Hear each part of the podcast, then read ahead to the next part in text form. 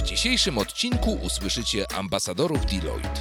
Ewelinę Kędzior, studentkę Szkoły Głównej Handlowej w Warszawie, przewodniczącą koła SKN Data Science, wiceprzewodniczącą do spraw finansów i administracji SKN Statystyki, członkinię SKN Energetyki oraz Daniela Cieślaka, studenta Politechniki Gdańskiej, założyciela koła naukowego Medical Intelligence Lab, członka koła naukowego SIMLE. Ekspertami, z którymi porozmawiają są Piotr Mechliński, partner w dziale Risk Advisory i Piotr Pietrzak, Chief Wizard and Technical Manager w IBM. Tym odcinku dowiesz się, jakie możliwości daje rozwój sztucznej inteligencji, a co za tym idzie, jakie mogą wynikać z tego zagrożenia. Dodatkowo, jak wpływa na działanie różnych gałęzi naszego życia, w tym m.in. energetyki, medycyny oraz jak działają popularne portale społecznościowe i dlaczego możemy w łatwy sposób wpaść w ich pułapkę. Witam bardzo serdecznie i od razu zaczynamy z pytaniem, czym jest dla Was sztuczna inteligencja i czy ona może mieć faktycznie e, wpływ i jak bardzo ten wpływ jest głęboki. Witamy, dzień dobry. Dzień dobry. No to rzeczywiście y, na tak postawione pytanie pewnie można powiedzieć, tak, sztuczna inteligencja mm, otacza nas z każdej strony i pewnie jak popatrzymy na to, jakie obszary y, do, do, dotyka, to pewnie dotyka też y, naszego życia. Chociażby w takim obszarze zupełnie bliskim każdego, ka, każdemu serca, każdy chce być szczęśliwy. Część ludzi szuka swojej drugiej połówki w aplikacjach randkowych, no i tam sztuczna inteligencja tego partnera życiowego nam też próbuje dobrać. I czy to jest tak naprawdę mm, zdrowe? W sensie, czy to, że jesteśmy modelowani i potem są podejmowane decyzje tak naprawdę kierowane jakimś wyznacznikiem, bo nie są to zdarzenia losowe, to czy nie tworzymy takiego sztucznego wyobrażenia życia i czy nie żyjemy w tym tak naprawdę? Tak do końca. Czy nie żyjemy właśnie w modelach, które sami sobie zaprojektowaliśmy? Ja bym odwrócił to pytanie. Czy my przypadkiem tego nie chcemy? To znaczy, czy nie chcemy idealnego życia, które będzie właśnie wymodelowane? I zaczynając troszeczkę od początku, dla mnie osobiście sztuczna inteligencja jest zbiorem technologii, rozwiązań, które są pod zbiorem nauki, którą jest szeroko pojęta informatyka. I teraz pytanie jest, jak to zastosujemy i gdzie to zastosujemy. W obszarze życia, tak jak tutaj przytoczył Piotr, i ty miałeś okazję zadać pytanie o to, czy, czy, czy to nas nie modeluje. Mam, śmiem twierdzić, że to nas modeluje, bo chcemy być modelowani. Mhm. No tak, ale, ale nawet wracając do, do, do, do przykładu y, aplikacji randkowych, to no ten temat jest o tyle, o tyle ciekawy, że bardzo różne aplikacje stosują różne algorytmy. Na przykład na początku y, w Tinderze był taki algorytm, który się nazywał ELO, pochodzący z dobierania y, w partiach szachowych ludzi z odpowiedniej ligi. W, w innej aplikacji był algorytm Gaila Shapleya, który z kolei był stosowany do, do tradingu, do dobierania takich stabilnych transakcji. Tylko, że według mnie to wszystko w ogóle nie ma znaczenia, bo znaczenie ma to, jaka jest funkcja celu. Bo przecież, jeżeli jesteśmy właścicielem Tindera, no to nie chcemy mieć klienta, który raz darmowo skorzysta z aplikacji, znajdzie miłość swojego życia, yy, odinstaluje aplikację i już, już go nie będzie. No, idealnie by było mieć kogoś, kto jednak powraca i korzysta z płatnych funkcji. Trochę nie jest istotne to, czy będzie szczęśliwy czy sfrustrowany, dopóki nasza, nasze rozwiązanie będzie dobrze postrzegane na rynku, będzie miało dobre opinie. My chcemy maksymalizować swoje zyski. Więc trochę jest tak, że nasza funkcja celu, czy nasze podejście do tego, chcemy znaleźć drugą połówkę, chcemy być szczęśliwi albo mieć trochę fanu, no, może być w, zupełnie, w zupełnej sprzeczności z celami firmy. No i teraz, jeśli mogę podać, podać inny przykład, też może z takiej dziedziny właśnie lifestyle'owo-socialowej, weźmy pod uwagę Instagram. Rok temu wybuchła powiedzmy, no nie wiem czy afera, ale w każdym razie był rumor na rynku o to, że że, że oto znaleziono u właściciela Instagramu, firmie Meta, raport wewnętrzny, który mówił, pokazywał czarno na białym, e, że firma zdaje sobie sprawę, iż używanie tej aplikacji e, przez użytkowników powoduje pogorszenie ich, powiedzmy, nie wiem, dobrostanu, zdrowia psychicznego. Pa, pa, padały różne różne procenty, różne liczby. Ja pamiętam, nie wiem, 32% dziewczyn mówiło, że po używaniu Instagrama czuje się wyraźnie gorzej. Była mowa o depresji, o zaburzeniach odżywiania, zaburzeniach postrzegania swojego wyglądu, stanach lękowych i tak. No i, i, i znowu jest też tak, że mamy trochę sprzeczne cele. Idziemy do, używamy Instagrama po to, żeby, nie wiem, obserwować jakieś e, profile, chcielibyśmy może się czegoś dowiedzieć o świecie, podczas gdy firma raczej optymalizuje to, żebyśmy w tej aplikacji spędzali dużo czasu. My trochę szukamy znowu szczęścia, zadowolenia, dopaminy, yy, czegoś fajnego, co jest jednak w sprzeczności z, jak widać, z długotrwałym używaniem tej aplikacji, jest w sprzeczności z wyświetlaniem reklam przez, przez Instagram. Więc, więc znowu y, ten taki balans, taki trochę etyczny pomiędzy celami użytkowników, a celami firmy jest trochę zaburzony. No, musimy, firma musi zawsze sobie, używając sztucznej inteligencji, która oczywiście jako algorytm podpowiada te kolejne posty i my nie możemy się oderwać od tych filmików, no, musi, musi zdecydować, y, jak, jak zadziałać. Ja znam, znam wiele osób i w sumie im współczuję, które spędzają wiele godzin dziennie w Instagramie i widzę, jak to wpływa na ich wizerunek, że oto, nie wiem, można być ładnym człowiekiem, ładną dziewczyną, która jednak jak obejrzy wystarczająco dużo tego feedu instagramowego, to koniecznie chce sobie zrobić usta, yy, czy poprawić yy, różne części związane z, jakby z, z urodą. Yy, no, i, no i nadal może czuć się nieszczęśliwa, więc y, to wykorzystanie sztucznej inteligencji bardzo wiąże się dla mnie z takim poczuciem odpowiedzialności i etyką to, co widać, poruszyłeś akurat temat Instagrama, to, co widać ciekawego na Instagramie, z czego nie zawsze sobie wszyscy zdajemy sprawę, to to, że nie wszystkie z tych profili są prawdziwe, ale nie w rozumieniu tego, że ktoś się podszył pod kogoś, imię, nazwisko, użył zdjęcie. Tu nawet nie chodzi o retusz już zdjęcia. Tu chodzi o to, że są całe profile na Instagramie, które są tworzone z wykorzystaniem sztucznej inteligencji, gdzie osoby i sceny, które są na profilach instagramowych, nigdy nie istniały. I teraz dobrym takim przykładem, skąd można sobie zaobserwować najłatwiej, jak to dobrze działa, jest chociażby taka strona, która się nazywa This Person Does Not Exist, e, na której za każdym kliknięciem wygenerowany zostanie fotorealistyczny obraz osoby, która faktycznie nigdzie nie istnieje. Nigdy nie istniała. I teraz co to implikuje? To implikuje to, że nie tylko y, na tym wspomnianym Instagramie, ale również w wielu podobnych y, y, portalach czy aplikacjach może się okazać, że to, co oglądamy, jest totalną fikcją. A pomimo tego nam się to podoba. I teraz czy nam się to podoba, bo wiemy, bo nie wiemy, że to jest fikcja, ale nie fikcja pod tytułem ktoś zrobił retusz zdjęcia, żeby wyglądać lepiej, gorzej. E, samochód był zielony, a bardziej się podobała wszystkim czerwony, to przemalował go na czerwony, tylko on go w ogóle, czy ona go w ogóle wygenerowała. To jest postać wygenerowana przez algorytm. I pytanie teraz, na ile zmienia nam to w ogóle punkt widzenia na taką aplikację? Czy te treści są nadal dla nas atrakcyjne, pomimo tego, że są nierealne? Śmiem twierdzić, że tak. Dlaczego? No kurczę, wielu z nas lubi komiksy. W komiksach są postacie nierealne, historie bardzo często wymyślone, na bazie których tworzone są obecnie e, e, firmy Marvela czy jakichś innych e grup. I no i co z tego, że to jest nierealne? Skoro nam się to podoba, to to mentalnie kupujemy.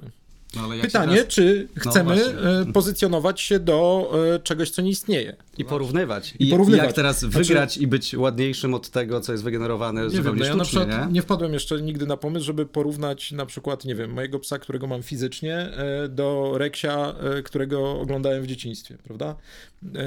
Być może gdyby Reksio był fotorealistyczny, być może bym zaczął to robić, że coś z moim psem jest nie tak. Tak, ale na przykład bardzo mocno zbliżamy to, co widzimy już E, cyfrowo do tego, co jest w rzeczywistości.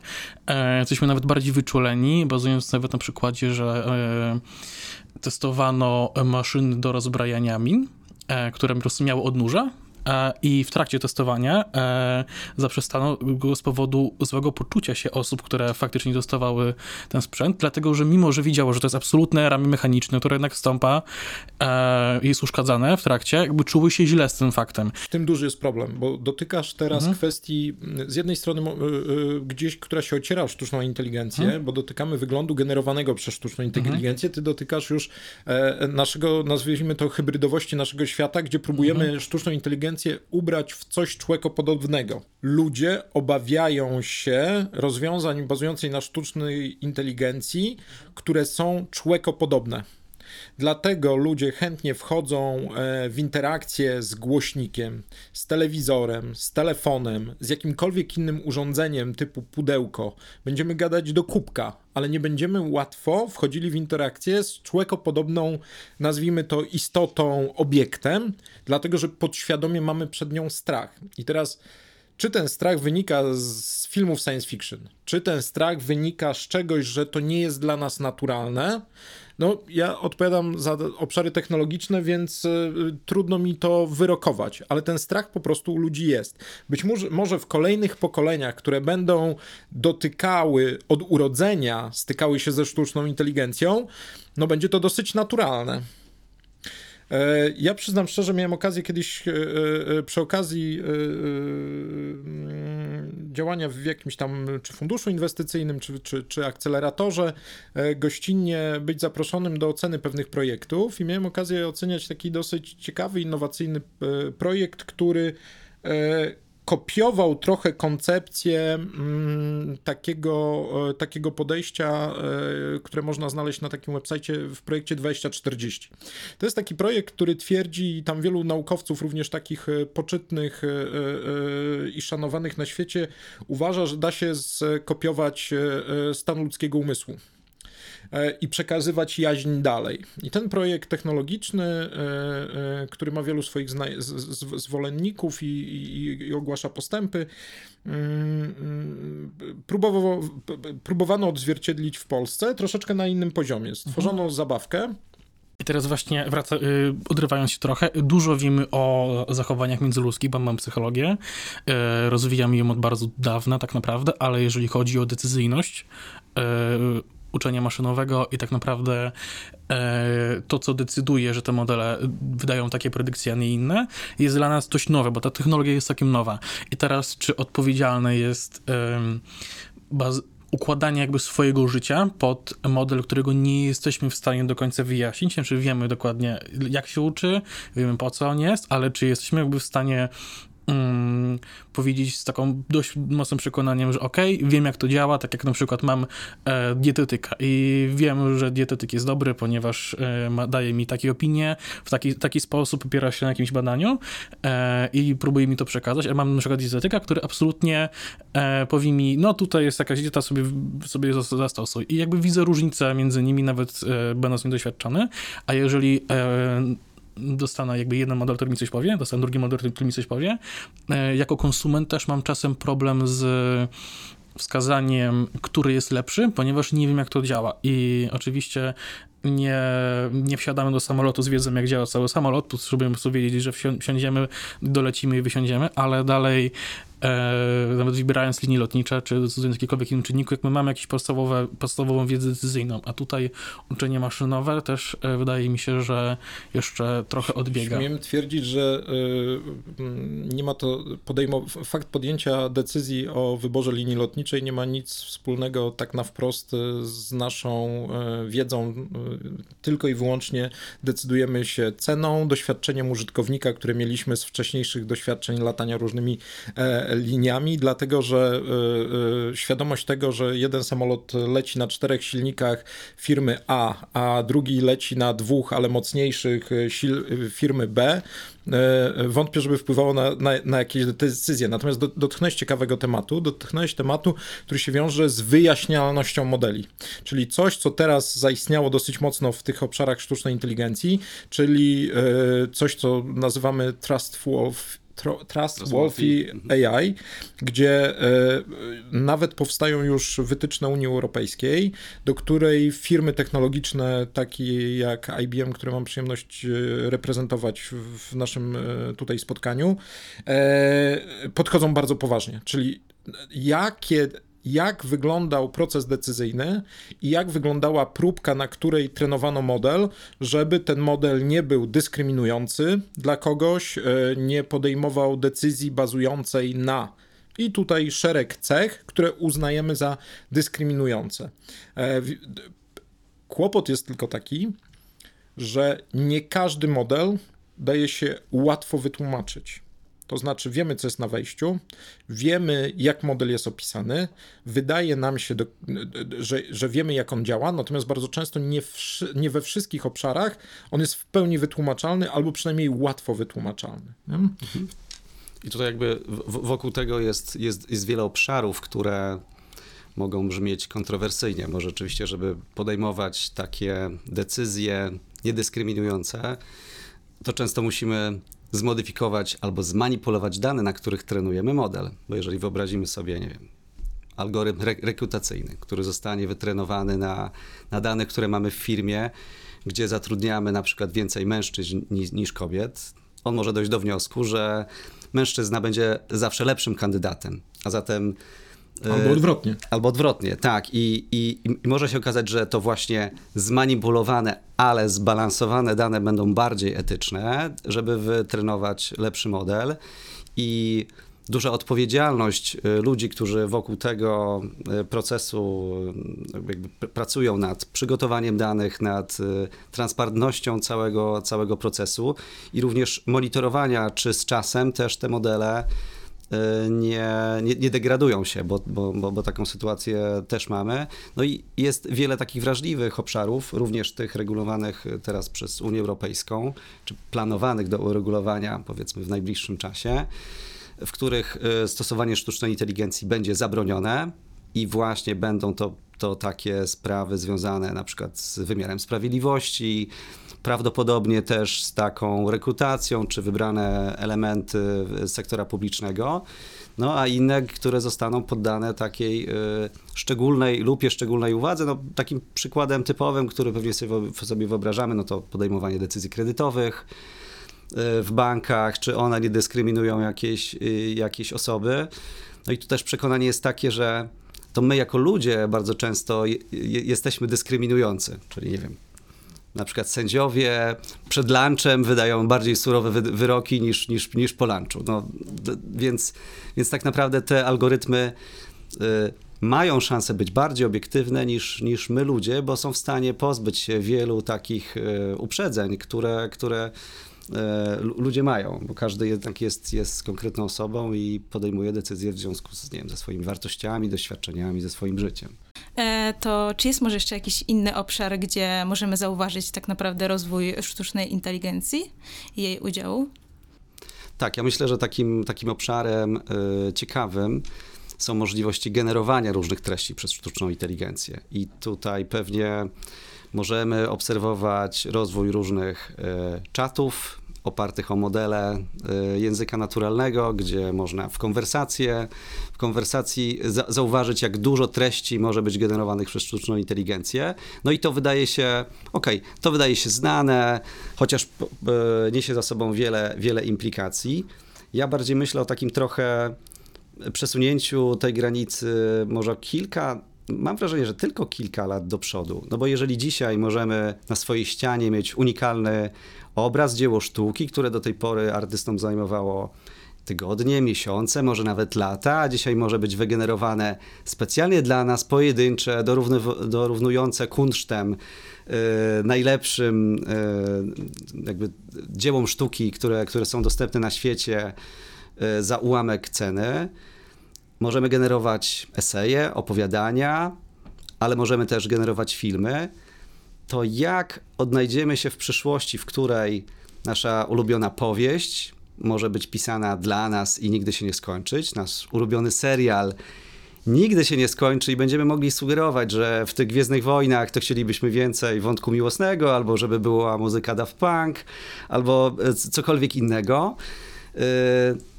Skoro dzisiaj ten świat dla wielu ludzi wydaje się dość skomplikowany, dość trudny do zrozumienia, może gubimy się w tym, jak funkcjonują pewne mechanizmy, to jak w takim świecie odnajdziemy takie punkty oparcia, jak, jak, jak się odnaleźć w świecie, który będzie ciekawy, jak twórcy się odnajdą w takim świecie. I pytanie, czy my jesteśmy gotowi Jesteśmy, słuchajcie.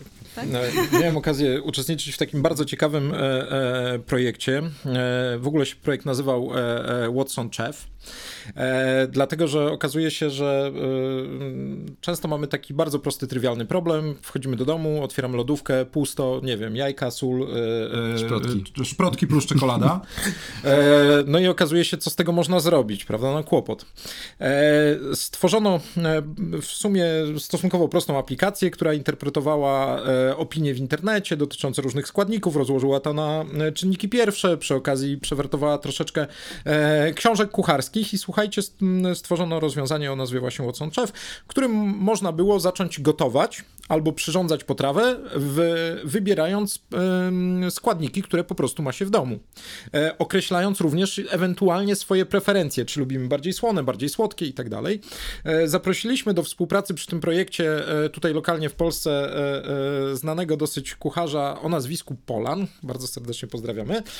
I słuchajcie, zaczęliśmy gotować wspólnie z nim to, co ta sztuczna inteligencja nam podpowiadała. Połączenia były niesamowite, na przykład czekoladowe burrito, prawda? Człowiek najczęściej raczej nie miesza z burrito czekolady. E, e, e, tutaj ta, to czekoladowe burrito powstało i było naprawdę e, e, całkiem dobre i pyszne, więc w różnych obszarach życia możemy spotkać e, również w takich, mm, bym powiedział, zaskakujących tą sztuczną inteligencję, która pozwala nam przełamywać pewne bariery, a oprócz tego rozwiązywać problemy życia codziennego. Jeju, nie wiem, co dzisiaj zjem. Mhm. Tak, to prawda. Czyli zarówno możemy zobaczyć zalety rozwoju sztucznej inteligencji, ale też wiemy, że mogą być jakieś zagrożenia z tego płynące. Tak? Wiadomo, że jak e, rozwija się sztuczna inteligencja, to może ona w przyszłości spowodować ograniczenia na przykład na rynku pracy. Tak? Czy jest ona w stanie na przykład zastąpić w przyszłości takiego człowieka, na przykład data scientista?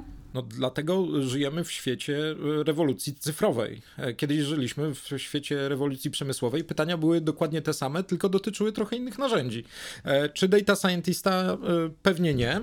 Czy programistę, który robi stosunkowo proste, odtwórcze rzeczy? Być może tak. Mm, chociażby zaprezentowane w zeszłym roku algorytmy GPT-3, które potrafią radzić sobie z całkiem zaawansowanymi problemami programistycznymi.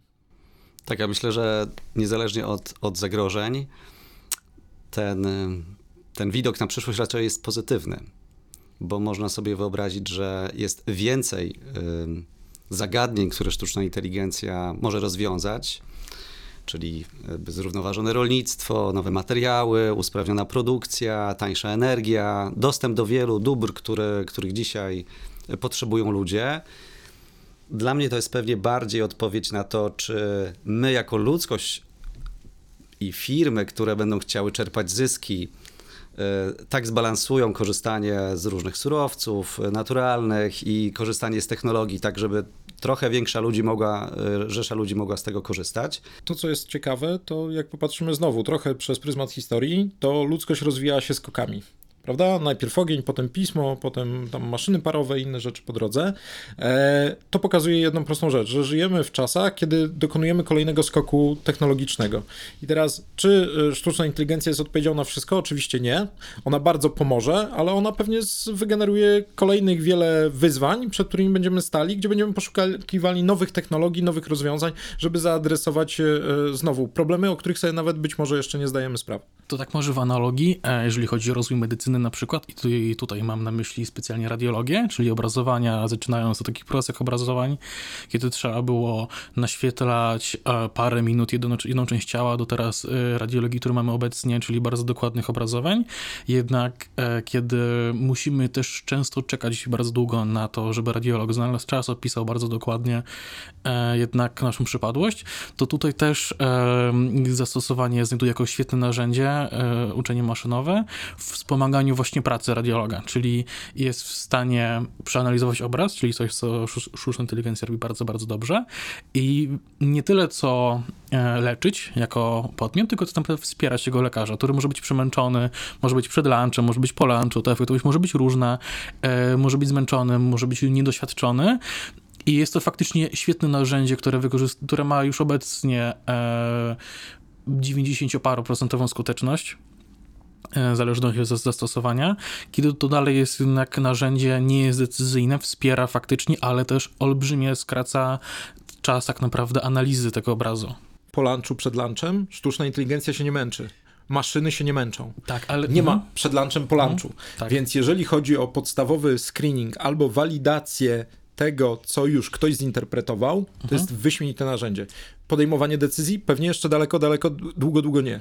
Z mhm. punktu widzenia wsparcia, mhm. jak najbardziej tak. Tak, tylko że nawet podstawowo lekarz musi sam y, nawet wstępnie ocenić szanse danego pacjenta e, i tutaj już uczenie maszynowe odbiega e, o tyle, że rzadko jest holistyczne, rzadko bierze cały obraz e, pod uwagę, a tutaj jednak jest przewaga tego ludzkiego lekarza, że mamy to podejście tak naprawdę od ogółu do szczegółu.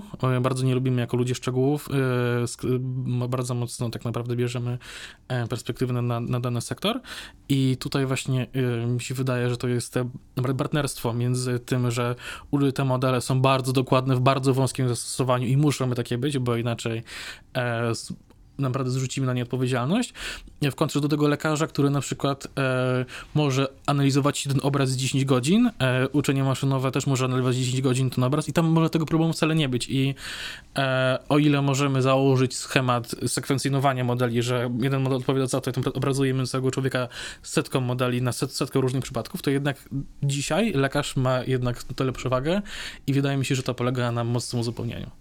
To może, to, to jakby, to, to ciekawe, ciekawe, co powiedziałeś, bo, bo rzeczywiście dzisiaj w medycynie użycie sztucznej inteligencji jest y, stosowane dziedzina po dziedzinie. No i to, co można powiedzieć, że być może wkrótce, a być może już teraz, ten algorytm będzie tak dobry jak najlepszy radiolog, jeśli zostanie wy, wy, wyszkolony przez 20 najlepszych radiologów na świecie. Ale można sobie wyobrazić, że dziedzina po dziedzinie, kardiologia, onkologia, nawet schodzenie na poziom poszczególnych nowotworów, można wyobrazić sobie, że te punktowe rozwiązania niejako stworzą taki holistyczny obraz i w każdej z tych dziedzin ten algorytm będzie tak dobry, jak najlepsi lekarze, którzy go wyszkolili. A co więcej, będzie mógł nadążać za literaturą. Kiedyś jakby analizowaliśmy, że żeby nadążyć, nie wiem, być nawet onkologiem, y, który się zajmuje nowotworem piersi i być na bieżąco z literaturą naukową, trzeba by czytać 30 godzin tygodniowo. Y, kiedy, nie wiem, na pracę mamy może, może dwa razy tyle, le lekarz ma czasu, w związku z tym, prawda, publikacji medycznych. Więc jeżeli mamy model, który cały czas się uczy, no to możemy zdobyć y, dużą przewagę w takim stawianiu diagnoz, choć, choć chyba według mnie, nie wiem, w medycynie ja, ja opatruję też e, tej ciekawego rozwoju w takich personalizowanych e, też kuracjach, prawda, które są dostosowane do nas, związane z naszym kodem genetycznym, bioinżynierią. Y, czy jak mieliśmy ostatnio w trakcie COVID-u, y, odkrywanie nowych, y, nowych szczepionek w bardzo krótkim czasie, to tylko badania kliniczne trwały te miesiące, ale samo wynalezienie tego, tego preparatu to były pojedyncze dni. Więc, więc tutaj sztuczna inteligencja, myślę, że medycyna to jest, to jest naprawdę ciekawy obszar. To teraz właśnie pytanie, jak Deloitte wykorzystuje możliwości wykorzystania sztucznej inteligencji? Mhm. Myślę, że to, to, co jest e, siłą takiej firmy jak nasza, to możliwość łączenia różnych kompetencji z różnych dziedzin. Czyli jak popatrzymy na sztuczną inteligencję, moglibyśmy powiedzieć, no to jest data science, matematyka, za, zaawansowana analityka. To, co my możemy dać, to dodać do tego pewną dziedzinę zastosowania, obszar merytoryczny, w którym mamy też ogromne kompetencje. Czyli na przykład y, rozumiemy, jak wygląda ryzyko finansowe w bankach E, jesteśmy specjalistami od cyberbezpieczeństwa. E, znamy się dobrze na klimacie i sustainability. Każda z tych dziedzin, wzmocniona czy też wzbogacona rozwiązaniami sztucznej inteligencji, nabiera zupełnie nowego znaczenia. W cyberbezpieczeństwie na przykład możemy myśleć o dwóch stronach. Z jednej strony o e, cybernetycznym zabezpieczaniu algorytmów sztucznej inteligencji, które podejmują decyzje w bankach, ale też o wykorzystaniu sztucznej inteligencji do tego, żeby zarządzać incydentami e, cyberbezpieczeństwa w lepszy sposób, wyszukiwać te, którymi tak naprawdę ludzie powinni się zająć, albo też takie analizować, żeby można było braki kadrowe w tym obszarze y, cyberbezpieczeństwa nadrobić właśnie algorytmami. W obszarze klimatycznym możemy tak optymalizować projekty związane z dekarbonizacją w firmach, żeby znajdować optymalny scenariusz, na przykład obniżania emisji danego przedsiębiorstwa, czy też wybrać z projektów, które są do zrealizowania, te i w takiej kolejności te projekty, które w najlepszy sposób przyczynią się do, do obniżenia naszego zatruwania środowiska, ale też możemy to zrobić optymalnie kosztowo. Więc myślę, że, myślę, że siła tkwi właśnie w łączeniu różnych dziedzin, czasami nawet powiedzmy trzech różnych, tak żebyśmy wykorzystali możliwości merytoryczne i możliwości technologiczne wspierani przez partnerów technologicznych, tak jak, tak jak IBM, bo, bo w każdym z tych projektów potrzebujemy de facto platformy, czy to chmurowej, czy to związanej z budowaniem algorytmów sztucznej inteligencji, czy infrastruktury do, do realizacji projektów. W związku z tym jest naturalne, że taką e, trzecią, trzecim aktorem w, w tego typu projektach jest firma technologiczna, z którą współpracujemy blisko, która pomaga też nam stworzyć taką architekturę, doradza jak, jak najlepiej wdrażać tego typu rozwiązania. E, I często to są rozwiązania na dużą skalę, które wymagają takiej wiedzy, jak wdrażać rozwiązania klasy Enterprise. Pierwsza rzecz to, to, to pewnie odpowiedź na to, że sztuczna inteligencja dla, dla Deloitte jest na tyle ważna, że mamy zespoły koncentrujące się na tej, na tej dziedzinie w różnych częściach organizacji. Taki zespół, który mocno technologicznie się koncentruje na, na tym zagadnieniu, jest w dziale konsultingu, taki, który koncentruje się na doświadczeniach klienta, jest w naszej części, która się nazywa Deloitte Digital. I jest też e, zespół, który ja reprezentuję w części firmy, która się nazywa Risk Advisory.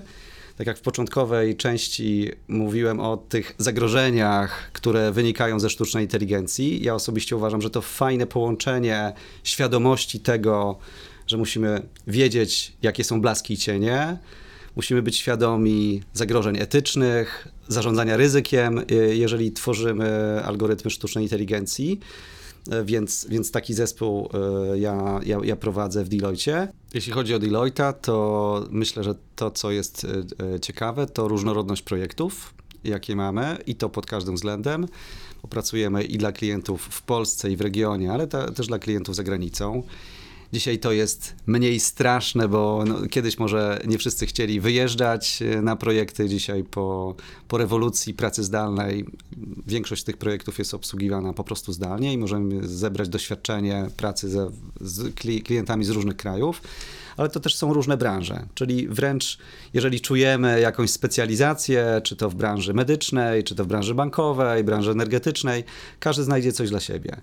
E, I też e, myślę, że pod kątem technologii, które, które stosujemy, e, jest ich wiele, reprezentujemy większość takich głównych trendów technologicznych.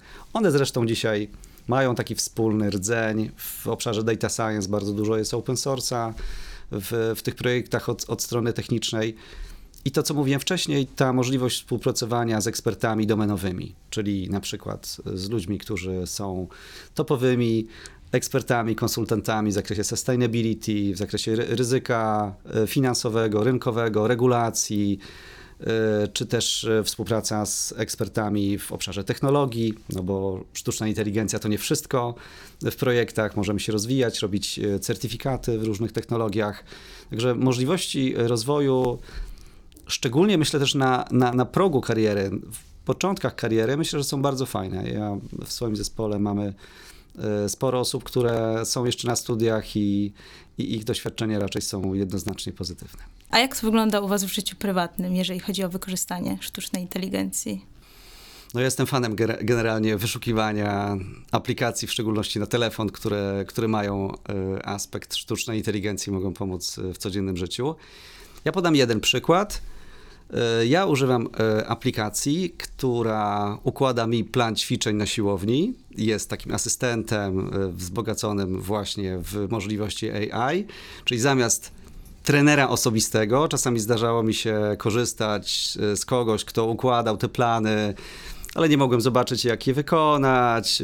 One były na papierze, trudno było zapisać tam obciążenia i, i jakby mm, śledzić postęp. Teraz mam algorytm, który, czy korzystając z mojego zegarka, czy nie, niezależnie, czy wykonuje aktywność w tej aplikacji, czy w innej, wie, które grupy mięśni są obciążone, jakie były dotychczasowe moje doświadczenia i generuje nienudny, nowy trening na określoną ilość czasu i określony kontekst. Czy to na siłowni, czy jestem tylko w domu, a może nie mam żadnego sprzętu, a może mam pełen.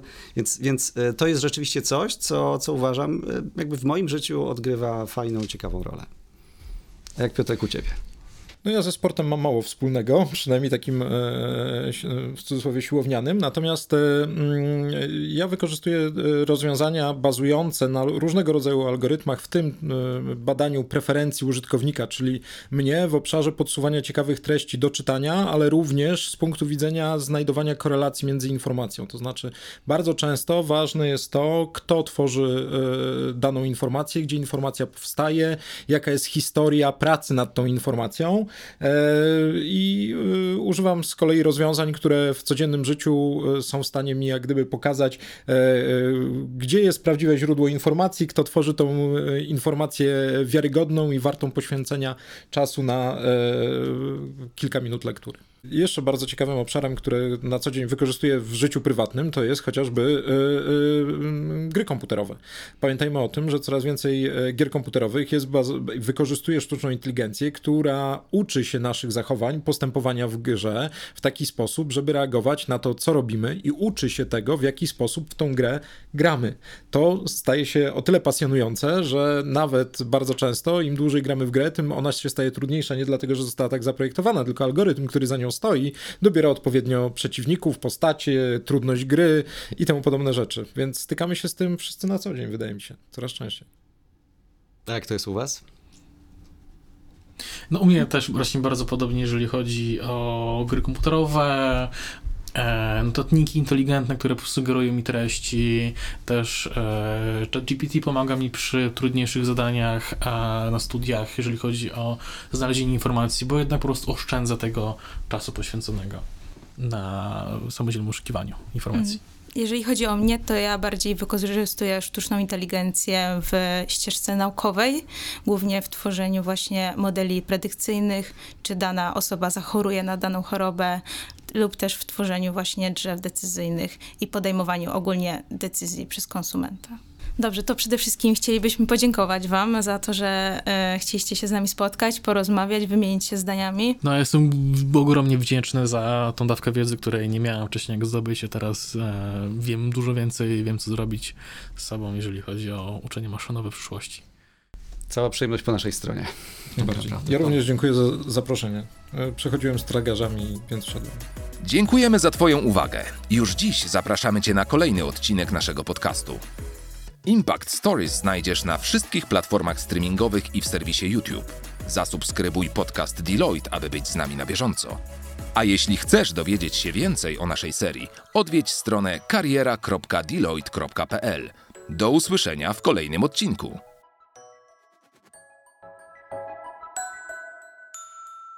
Impact Stories. Podcast Deloitte.